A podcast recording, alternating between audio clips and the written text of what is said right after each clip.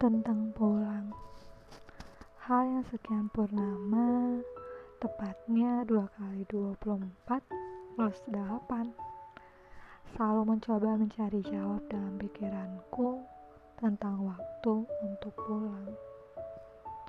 Pulang apakah seperti buku Jalan Panjang untuk Pulang?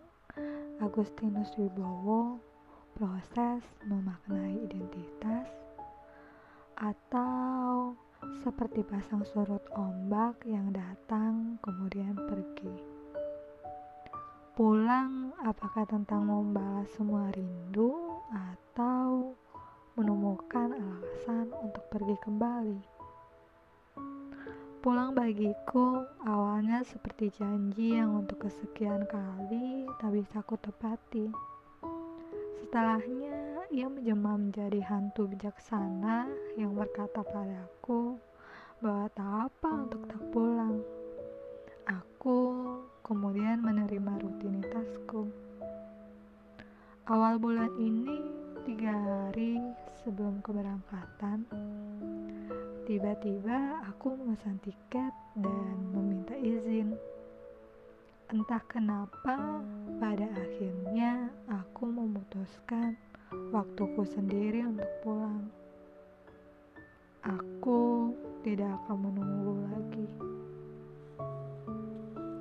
Aku sungguh tidak ingin terbiasa.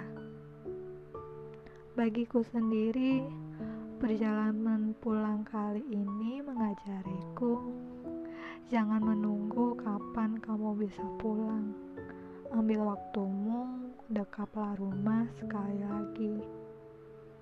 Karena mungkin bisa melahirkan banyak ketakutan. Aku bisa pulang saat menang.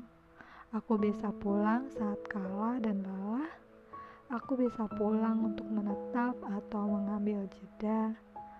Aku bisa pulang saat memiliki banyak hal atau hanya memiliki diriku.